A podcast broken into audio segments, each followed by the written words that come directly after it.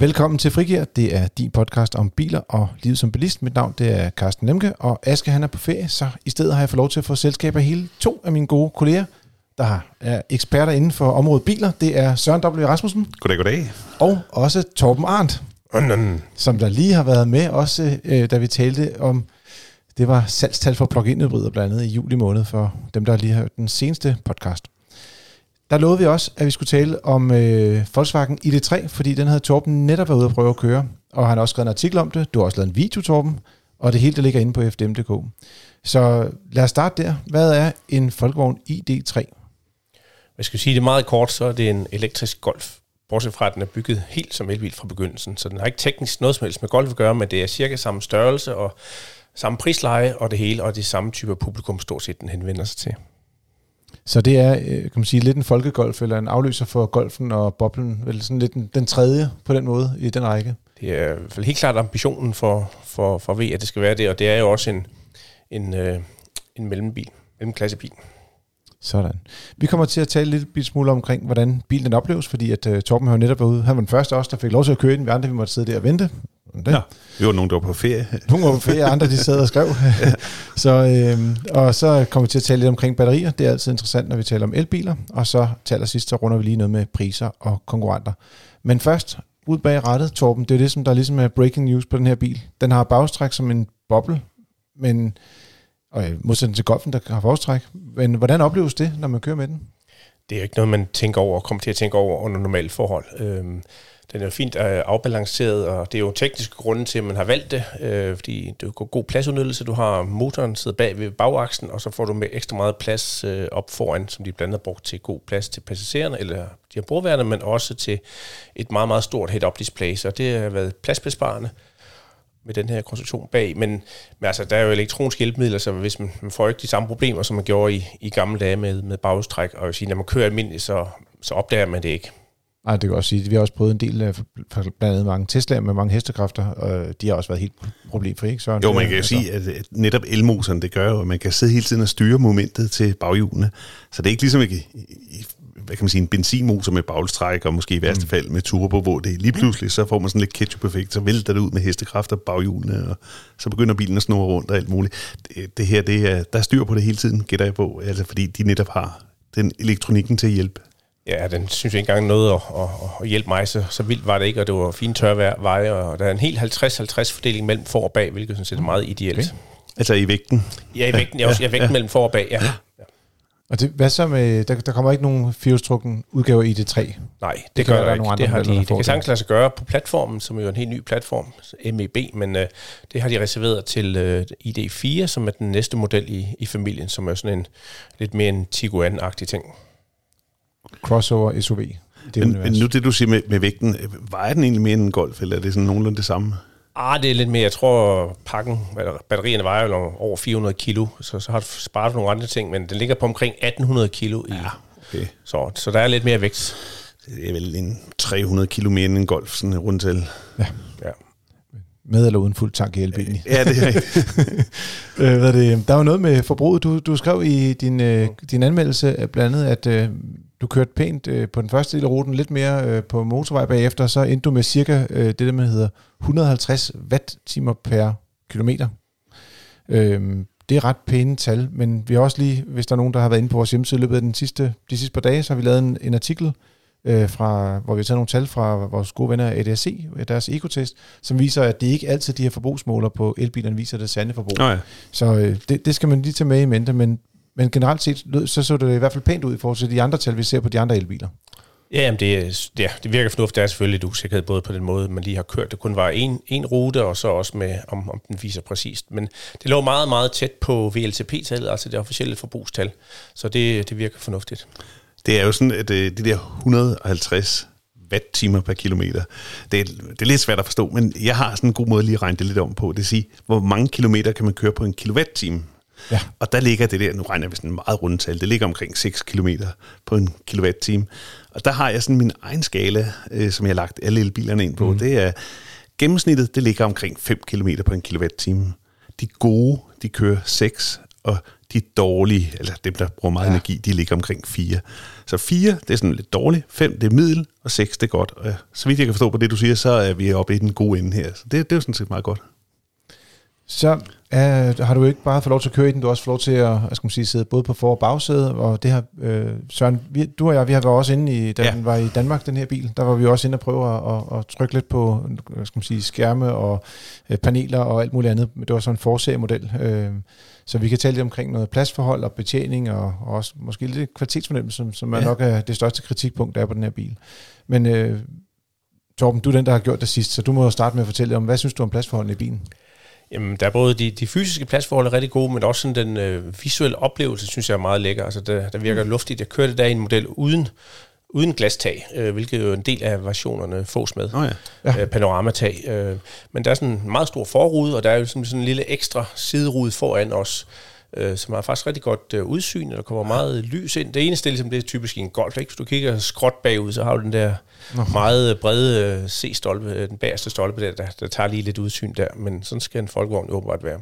Men er det ikke rigtigt? Det, det er i hvert fald den fornemmelse, jeg havde, da jeg gik hen til den, at den, den så egentlig ikke så stor ud udefra, når man kigger på den, men så har den den der lille elbilstrik, der gør, at når man så åbner dørene, så er kabinen bare meget større, end man er vant til at møde i en, en bil, der ellers har det udvendige størrelse, som den her har. Det vil sige, altså man, på en eller anden måde, så har man jo udhulet bilen bedre, end man har gjort i en benzinbil øh, eller en dieselbil, hvor man simpelthen har sparet en masse komponenter væk, og så fået plads, bedre kabinplads. Det er i hvert fald den oplevelse, jeg havde. Ja, men præcis, og fordi man her har jo lavet elbilen helt fra begyndelsen, som har ligesom kunne udnytte de fordele, der er, eller de begrænsninger, som man ellers ville have ved en benzinbil, der er en kadangtunnel og alt muligt andet. Det er vi jo helt fri for her. Så den er ligesom, og den har også virkelig, jeg tror, den akselafstanden er 12-13 cm større end på en Golf, okay. og de er lige lange, så de er virkelig trukket hjulene ud i, i begge ender. Ja. Øh, og gulvet er helt plant. Det er lidt højere end, end i en Golf måske, men øh, til gengæld så er der ikke nogen kadangaksel, og der er også nogle andre komponenter, man, som man ikke har. Ja. Det lyder godt. Bagagerummet, det ser også øh, rigtig fornuftigt ud, kan jeg huske. Det er nogle af de ting, jeg plejer at tjekke. Også øh, litertallene, det minder bare om det, man møder på en golf. Men netop knæpladsen var også det, jeg faldt mest for, øh, da jeg satte mig i den i sin tid.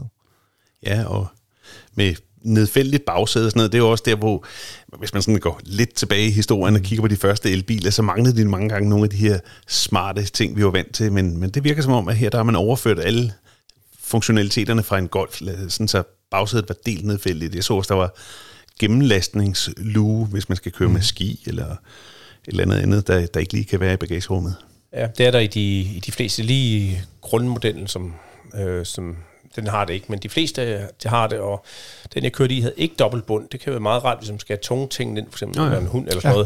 noget. Øhm, det kan man så få til nogle af de andre, så man får et, et, en, en plade, der ligger lidt højere op i bagagerummet. Hvor, hvor mange udstyrsniveauer er der? Jamen, det er jo ikke rigtig helt niveauer. Det, det, jeg har seks linjer, ah. så de har en, en grundmodel, og så har de og så hedder de noget meget forskelligt, så har de puttet noget forskelligt udstyr i det forskellige. Så det er sådan lidt kompliceret, hvis man gerne vil have, have sådan en travel assist, som hjælper med at køre i vognbanen, og så vil du gerne have, have panoramaglas-tag og sådan noget. Så, så den nemme løsning, det er sådan bare at tage topmodellen, så får man sådan set det hele. Men, ja. men der er en, der hedder Business, og en, der hedder Tech, og en, der hedder Max. Og sådan. Det er sådan lidt... Øh, det er, der er, ny, en, der er også en, der hedder Family, faktisk. Ja, så, ja. det skal være rigtig hyggeligt. Og så, live. øh, så, så mange, flere af dem her, de koster det samme. No. Øh, så de er ligesom parallelle modeller med lidt forskellige fokus. Okay, så, så vælger man simpelthen altså efter behov, kan man sige. Ja, så må man ja. vælge en af de der seks, og man kan så ikke lige sige, at jeg vil gerne have den her med glastag, og den her med det her. Det, det, det kan man ikke. Nej. Men jeg kan sige, at det der panoramatag, det er faktisk med i en, i en del af dem, blandet i, i den uh, style-variant, som vi har prisen på i... Øh, undskyld, style-variant, som, uh, det er ikke den, du testede, vel? Du var, uh, du var den, der hed... Ah, de, den hedder Live, er det rigtigt husket? Ja, den, den hed vist noget andet, øh, for det var en first edition. Så, ah, på den måde, ja. Så, så der er altså lidt forskel på udstyret. Så det var lidt, det er nogle specielle nogen, som man sådan ikke kan købe mere.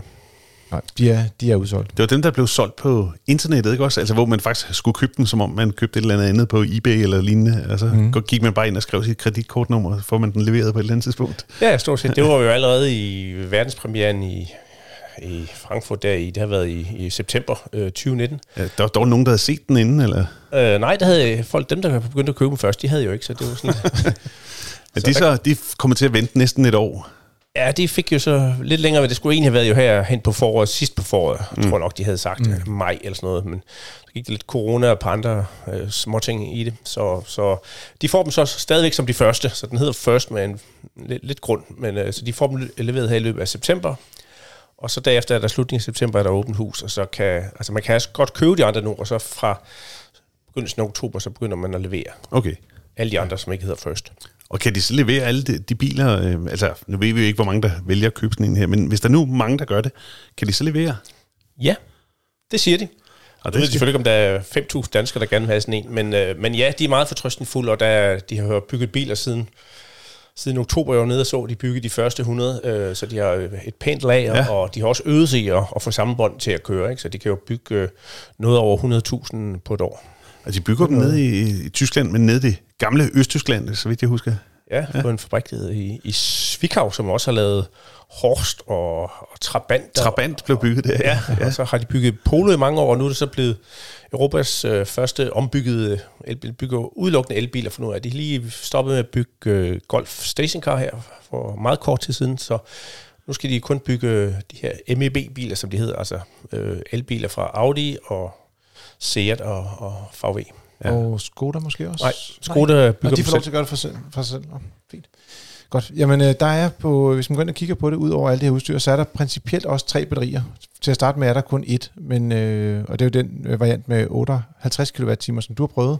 Men der kommer også et på 45, den lille model, og, og så et på 77, som bliver ligesom deres topmodel. Den bliver jo begrænset at der kun kan være fire pladser i, på grund af noget med noget vægt. Nå, ja. Så de det er lidt nemmere, det der med kilowattimer er lidt svært at huske, men, men det med kilometerne på, hvor lang rækkevidden er, lidt nemmere at huske. Det hedder 330, 440 og 550 Ja, cirka. sådan i rundtal. Det er nogle gode tal, de har, de har fundet frem. Ja, det var godt nok tilfældigt, lige landet der, var. det er lidt i rundtal, for ja. det er også lidt afhængigt af, hvilke dæk de bliver monteret med. Og, ja, og hvor meget udstyr. udstyr ja, ja, ja, det er blevet lidt mere kompliceret med de her WTP, som jo er nogle gode tal, men som gør det også ja. lidt mere øh, svært at få eksakte tal. Kan du siger 330, 440 og 550. 50. Er der 110 km ekstra rækkevidde, man får for hver gang, man går et batteristørrelse op? Ja, jeg, tænker, jeg tænker, at da de startede med at lave den øvelse, så hed det 300, 400, 500, og så fandt de ud af, at den kørte lidt længere, så blev de nødt til at, at du ved, ja, ja, så det, det, lægge det oveni. Ja, så de var så. bedre, end de havde planlagt. Det er det. Men de, de sagde også ved præsentationen, at det jo kun var, der var, der var en split mellem de her forskellige batterier. De forventer stadig, at det er det midterste batteri, der bliver det mest solgte. Ja, langt overvejende. Altså, alle, også de her first edition, det er alle sammen med det her mellem, mellembatteri, og og det er også den, du kun kan få i Danmark indtil videre. Øhm, det store batteri kommer sådan i begyndelsen af, af 2021, og det lille, det ved de faktisk ikke. Øhm, de tror, at det er noget med 80 procent, både i Europa og i Danmark, at det er deromkring, at, øh, at 80 procent vil vælge det mellemste batteri. Ja. Men, men det er jo lidt gæt, fordi de har jo ikke prøvet det her før, så, så man ved det ikke. Der er også noget med, at de har sådan nogle øh, optioner, kunne vi se på den der første edition, hvor man, der, var, der havde de også vist en masse tal. Der kunne de også sige, at man kunne købe de her performance-pakker til dem, og det er også standard i Danmark. Det vil sige, at man får lidt hurtigere acceleration på de danske varianter i forhold til den standardmodel, man får i udlandet, og så kan den også lade lidt hurtigere. Det vil sige, at den mellemodellen også kan lade med 100 kWh. Ja, det, det, kan de, det kan de nu altid. Uh, performance, det går på, på motorydelsen, som er en, i hvert fald indtil videre en standard i Danmark, så okay. skruer op fra 100 og knap 150 heste til lige godt 200 heste. Det har de alle sammen indtil videre. Men det lige laver programmet senere, det er lidt uvist om, så kommer der en om den lille motor, så om, ja, om den ene bliver dyrere eller den anden bliver billigere, så det er lidt, lidt uklart, hvad de gør der. Og det, ja, det var hurtigladende, vi talte om her. Der, du var faktisk ude af hurtigladet på den også, og hvordan, hvordan så det så ud? Nu sagde de 100. Hvad, kunne, kunne de ramme, ramme 100? Ja, så længe havde jeg nu ikke lige, jeg skulle nå et fly hjem, så, så det, var, det var ikke så mange minutter, jeg holdt på den øh, tankstation, som, oh. som Farve har lavet der hjemme i sin Wolfsburg. Meget, meget flot stor el-tankstation med Unity-lader. Så nej, så jeg har ikke selv nogen praktiske erfaringer. Men jeg har set sådan en, en, en nørd, som vi ikke rigtig ved, hvem er, som har lavet sådan nogle, nogle målinger, øh, lavet sådan en lavet kurve, som siger, det ja. siger noget om, hvor, en ting er, at den kan lade med 100, og hvis den kun kan gøre det i, i meget, meget, meget kort tid, så er det jo lidt lige meget. Ja. Øh, med den her ladekurve, som vi så ikke ved, hvor, hvordan den er lavet, men det ser ud til, at den holder det rigtig pænt øh, meget længe. Øh, det er også noget, vi kender fra, fra Audi for eksempel, at de er ret gode til at, at holde tempoet op meget længe, så at sige. Og det betyder noget i praksis, når man skal have lavet sin elbil op. Hvor, det, hvor lang tid øh, skriver Folkevogn selv, det tager at lade den op? Så? Øhm, altså, de, de siger sådan i rundtal, hvis du skal have 300 km på, så tager det 30 minutter. Og det er flot. Det er meget flot, fordi øh, vi lavede jo en gruppetest, det kan du huske, Carsten, ja. øh, for... for ja, Torben var også med til at måle, ja, ja, det er rigtigt, men øh, du var jo især med til at lade, kan jeg huske. Yes. Men derfor målte vi, hvor lang tid man var om at putte 200 km på, og det lå typisk omkring øh, 30 minutter. Så hvis man nu kan putte 300 km på på 30 minutter, så det, altså, det er jo vildt.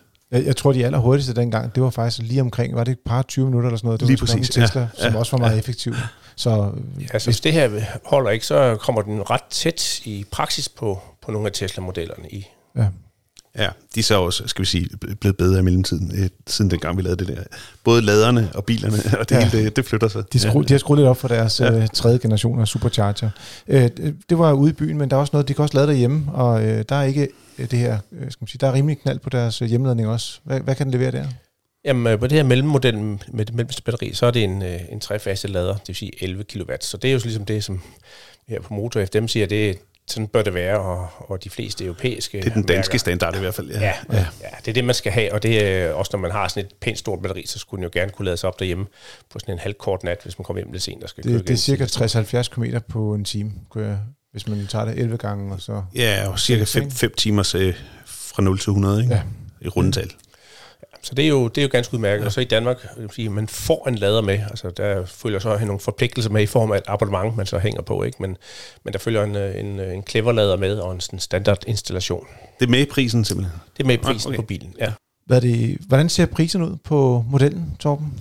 Vi, de, de blev frigivet her i løbet af, var det juli måned eller juli måned? Jamen, de ligger jo meget øh, sådan solidt og fornuftigt. Øh, den er ikke helt så billig som en, en Leaf, men øh, den er også... Men, men ja, altså, den billigste her med det store, mellemstore batteri, den ligger på 325.000 kroner. Ja. Og så kan man jo så vælge at gå lidt op. Øh, springen er ikke så frygtelig stor. Den dyreste koster 395.000. Så har de en grundmodel med et lille batteri, som de lige pludselig ikke helt vil stå inde ved den pris, de meldte ud for et år siden på 280.000. Øh, de satte af, de satte af 279.995, sagde de i september sidste år. Det vil de ikke stå ved mere, men øh, ja, men det kan godt være, at den så kommer til at koste 290 eller et eller andet. Men det er en bil, der til synen, det med et lille batteri, og den har også kun en, en enfaset lader. Og, mm. ja, jeg, øh, også, der, jeg mener kun, den kan lade med 50 kW, den udgave i hvert fald. Det, var, det er nok der, at jeg husker øh, ladet hastigheden fra. Ja, så, så, men det er til nogen brug kan det måske, hvis nogen med et lille kørselsbehov, kan det være okay, og måske også til nogle kommuner og, og andre sådan servicebiler kan det da godt være, men, øh, men ja, man skal nok kigge på dem fra 325 og op efter. Men det er jo så priser i virkeligheden øh, baseret på det afgiftssystem, vi har nu, hvor der ikke rigtig er registreringsafgift på. Ikke? Så øh, altså siger du 300, skal vi måske helt op og sige med farvetillæg og et eller andet 350.000 måske, eller et eller andet, inden, inden man har sat de krydser, man gerne vil. Men det, det kan jo godt blive noget dyre de kommende år, kan det ikke det? Jo, det, hvis, som verden ser ud nu, men der kan jo ske, der sker jo nok et eller andet politisk, men ja, som verden ser ud nu, så, så hæves øh, afgiften på elbiler her fra nytår, eller rabatten bliver mind, mindre, kan man sige. Nå ja. Øhm, så sådan en, øh, sådan en ID3, som koster 3,25, den bliver 49.000 kroner dyrere. Per 1. januar? Per 1. januar. Okay. Når den, og det er jo det tidspunkt, hvor den får nummerpladen på, der tæller, ikke hvornår man skriver under, så det skal man jo lige, lige være opmærksom på. Og topmodellen der til 395, den stiger 119.000, så vidt jeg husker. Hold da. Ja, det, det er noget. Så det, det, men som du også siger, der, der, vi ved jo ikke præcis, hvad der kommer til at ske med bilafgifterne, men der er i hvert fald, der bliver snakket lidt i krogen i øjeblikket. Så, men hvis man køber den nu, så ved man, hvad, hvad man har, og gør godt med i hvert fald. Ja, ja og hvis man... Øh, altså nu, det med levering, det var lidt, lidt usikkert, men, øh, men det ser ud til, at bestille den i øjeblikket, sådan, sådan her i, i august, så siger det, så kan man sagtens få den leveret i oktober og, og november. Så hvis man kører den til åben hus i september, kan, det, øh, kan man sikkert også godt få den inden nytår, men det må den enkelte forhandler jo stå ind for til den tid. Men der er gode muligheder for at få den til, i hvert fald hvor man er helt sikker på, hvad afgiften er. Det bliver altså spændende at følge det her med både leveringer og afgifter, og hvad der sker her i slutningen af 2020.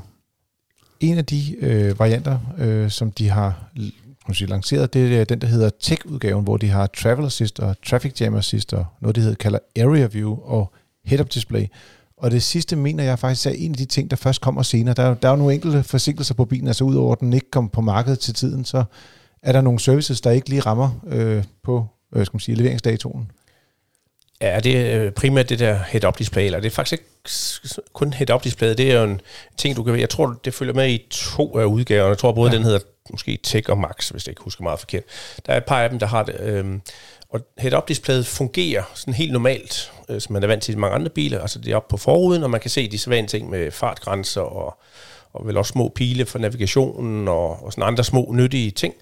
Øh, men det, som, som ikke virker, det er det, som man kalder augmented reality, som er sådan en meget avanceret head-up display, øh, som er, fylder nærmest, jeg vil ikke sige hele forruden. Jeg har ikke set det, fordi min bil havde det jo af gode grunde ikke. Nej. Øh, men det er ligesom, hvor tingene bliver projekteret ud i virkeligheden, eller ud på asfalten, så at sige. Så du får nogle pile, meget store pile, som ser ud som om, de er nede på asfalten, som så peger til højre eller venstre eller lige ud. Og i virkeligheden er det noget, de projekterer op på forruden, som du så ser. Øh, Altså, det, de har vist nogle billeder af det, og det ser meget, meget voldsomt ud, i hvert fald i forhold til Ja, de head-up ja. displays, vi har set tidligere. Ja, det er rigtigt.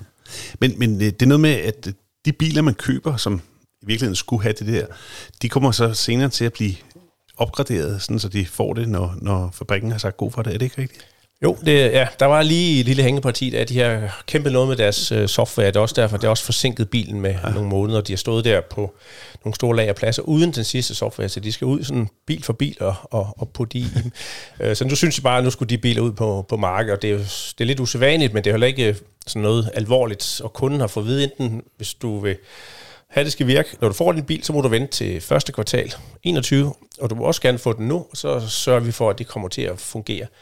Øhm, bilen har sådan det her over the air, altså at bilen kan opdatere altså selv over nettet. Ah, som også ligesom en andre- mobiltelefon eller sådan noget. Ja, lige præcis. Ja. Øh, men lige præcis de her to ting, der ikke virker nu, de er altså sådan lidt tunge, så dem skal man altså lige forbi en forhandler have sat et stik i, og så fikser det. Så kommer den der augmented reality til at virke. Det glæder jeg mig til at se, for det er ikke rigtig noget, vi er stødt Nej. på. Nej, sjovt. Der har jo været generelt, øh, er der jo altid meget øh, skal man sige, livlig debat omkring folkevogn ude på de sociale medier. Øh, også øh, har der været lidt debat omkring det her med, er folkevogn bagud i forhold til konkurrenterne? Og det har vi jo også talt om øh, her på vores øh, biltekniske redaktion. Øh, og ja, Søren, hvad tænker du, øh, når, når, når, når folk sidder og snakker om, hvor er øh, skal man sige, de forskellige bilmærker i forhold til hinanden rent teknisk? Altså, er folkevogn så langt bagefter konkurrenterne, synes du? Ja, altså, jeg forstår godt dem, der stiller spørgsmål i hvert fald, eller Mhm. tænker, de er bagud, fordi øh, vi har set Tesla'er på markedet nu i, hvad, syv år eller sådan noget, og øh, ved også koreanerne har været vældig dygtige til at få elbiler på markedet. Det er både Hyundai og Kia har flere biler, øh, og der er selvfølgelig også andre. Øh, men man må nok sige, hvis vi skal være helt ærlige, så er folkevognen i virkeligheden øh, pænt langt fremme med det her, fordi nu kommer de altså med nogle biler, som hvis det ellers passer det, vi har hørt, og det kan være jo ingen grund til at tro, det ikke skulle gøre med, med leveringen der, det er, at de faktisk kan levere dem i stridestrømme. Og det vil de jo faktisk være de første, der rigtig kan få de her biler ud på markedet, fordi alt andet, vi har set, hvis vi skal være helt ærlige, så har det jo været nogle bitte små styktal, der er kommet til Danmark. Ja, det er kun Så- Tesla Model 3, der rent Det er faktisk kun Tesla, der faktisk har øh, været, været helt op at ringe. Ja. Og øh, det her, det kan jo så blive den første bil, der begynder at tage kampen op med Tesla øh, i styktallene. Ja. Ja. Og, og se det det lys, så må man sige, så er Folkevogn jo i virkeligheden en af de første og største øh, til at komme med elbiler øh, nu her, ud over Tesla. Man kan sige sådan noget som Toyota, for eksempel, stort bilmærke, de er ikke på samme niveau endnu, Nej. og det samme kunne man også sige om Ford, der jo bliver nødt til at, at lave et samarbejde med Folkevogn faktisk, for at få elbiler på markedet. Lige præcis, ikke? Og, og Opel og Peugeot Citroën, som jo ellers har elbiler, øh, de har vist. Ja. Ja. Vi mangler altså stadig at se dem på danske nummerplader. Øh, vi, har, vi har været så heldige, vi har fået lov at prøve nogle Yep. biler i udlandet og så videre. Og det ser lovende ud, og det, det skal også nok blive stort og flot. Men øh, vi mangler altså det der ketchup-effekt, hvor øh, man siger, nu kommer der altså noget ud af flasken, og det, øh, det ser altså ud som om, der kommer folkevognen faktisk og overhaler lidt indenom nu. Ja, man kan, man kan jo sige, at det er lidt øh, faktisk just in time med, med folkevogn. Øh, alle vil jo gerne have elbiler hele tiden, og hurtigere og hurtigere, men, men man skal også tænke på, at det, på globalt set har der ikke rigtig været noget marked, og elbiler er også stadigvæk noget dyrere end, end de andre, øh, når man ser bort fra, at der er tilskud og lempelser rundt omkring. Så der har ikke rigtig været noget, øh, og det kan godt være, at de skulle have været her måske for tre kvart år siden, det har måske været bedre timing, men, øh, men det er ligesom nu, interessen er der ja. i, i bred forstand. Der, øh, der kan jo den lidt sjov ting, øh, det der du nævnte med pr- prisen på elbil, det er rigtig nok, de er jo dyre. Og det er meget, meget, meget sjældent, at vi har noget godt at sige om det danske afgiftssystem for biler. Men man må sige lige præcis, hvad det handler om elbiler, så, så er det jo faktisk meget smart indrettet, fordi det betyder faktisk, at de her, en ID3 kommer til at koste nogenlunde det samme som en tilsvarende Golf. Ikke? Med samme udstyrsniveau, Ja, ikke? Fordi ja. det er jo ret højt, altså... Øh, det er et rigtig højt udstyrsniveau, de kører med i de træer. Ja, lige præcis. Og det betyder, at man som dansker faktisk kan stå med et frit valg og sige, vil man have en ny Golf, eller vil man have en ny ID3 elbil? Det kan du ikke gøre på alle markeder. Det, altså i Tyskland for eksempel, der skal en helt del flere penge op i lommen, eller i hvert fald tage imod nogle af de her subsidier, der kommer fra staten. Der er det jo sådan, man får faktisk en check af staten, hvis man gider købe en elbil. Ja, jeg tror faktisk, det er noget med over 9.000 euro for, for sådan en ID3. Ikke? Lige præcis. Ja. Det, er, det er også en slags penge. En sidste lille god øh, elbilsnyd, jeg vil smide på her, det er, at øh, selv fra basisudgaven er der varmepumpe i bilen. Det vil sige, at man kan varme kabinen op, uden at det koster alt for meget energi, og dermed får man også en lidt længere rækkevidde på sit batteri. Det er rigtigt, og ja. den har jo det smart system, hvor, øh, som, som vi ser næsten alle elbiler fra alle producenter, at man snakker med elbilen via sin mobiltelefon.